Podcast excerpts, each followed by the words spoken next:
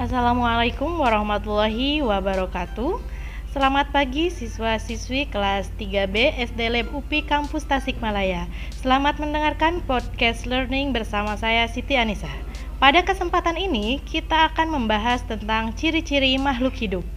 Setelah mendengarkan podcast ini, Ibu berharap kalian dapat menjelaskan ciri-ciri makhluk hidup. Makhluk hidup itu di antaranya ada manusia, hewan, dan tumbuhan. Makhluk hidup mempunyai ciri-ciri di antaranya bergerak, bernapas, tumbuh kembang, berkembang biak, dan membutuhkan makan.